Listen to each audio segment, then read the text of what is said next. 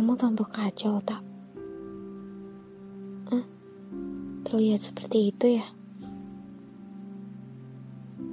Apakah sepatah itu? Pertanyaanku dijawab dengan pertanyaan. Kamu gak menjawab pertanyaanku. Hmm. Sudah berapa kali air matamu diam-diam mengalir? Aku nggak menyadarinya. Sudah berapa hari kamu habiskan untuk menekan perasaan? Aku nggak tahu.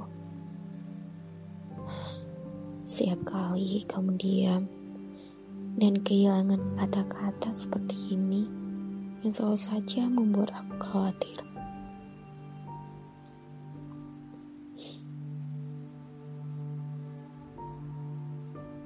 Aku gak bermaksud membuat merasakan itu, Ra.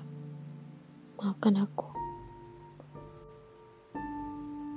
Kamu harus minta maaf kepada dirimu sendiri, tak? Untuk kamu biarkan dirimu kalah oleh perasaanmu sendiri beberapa hari kebelakangan ini. Aku hanya butuh waktu semua bakalan baik-baik saja, kota. Jangan sering-sering membuatku khawatir seperti ini.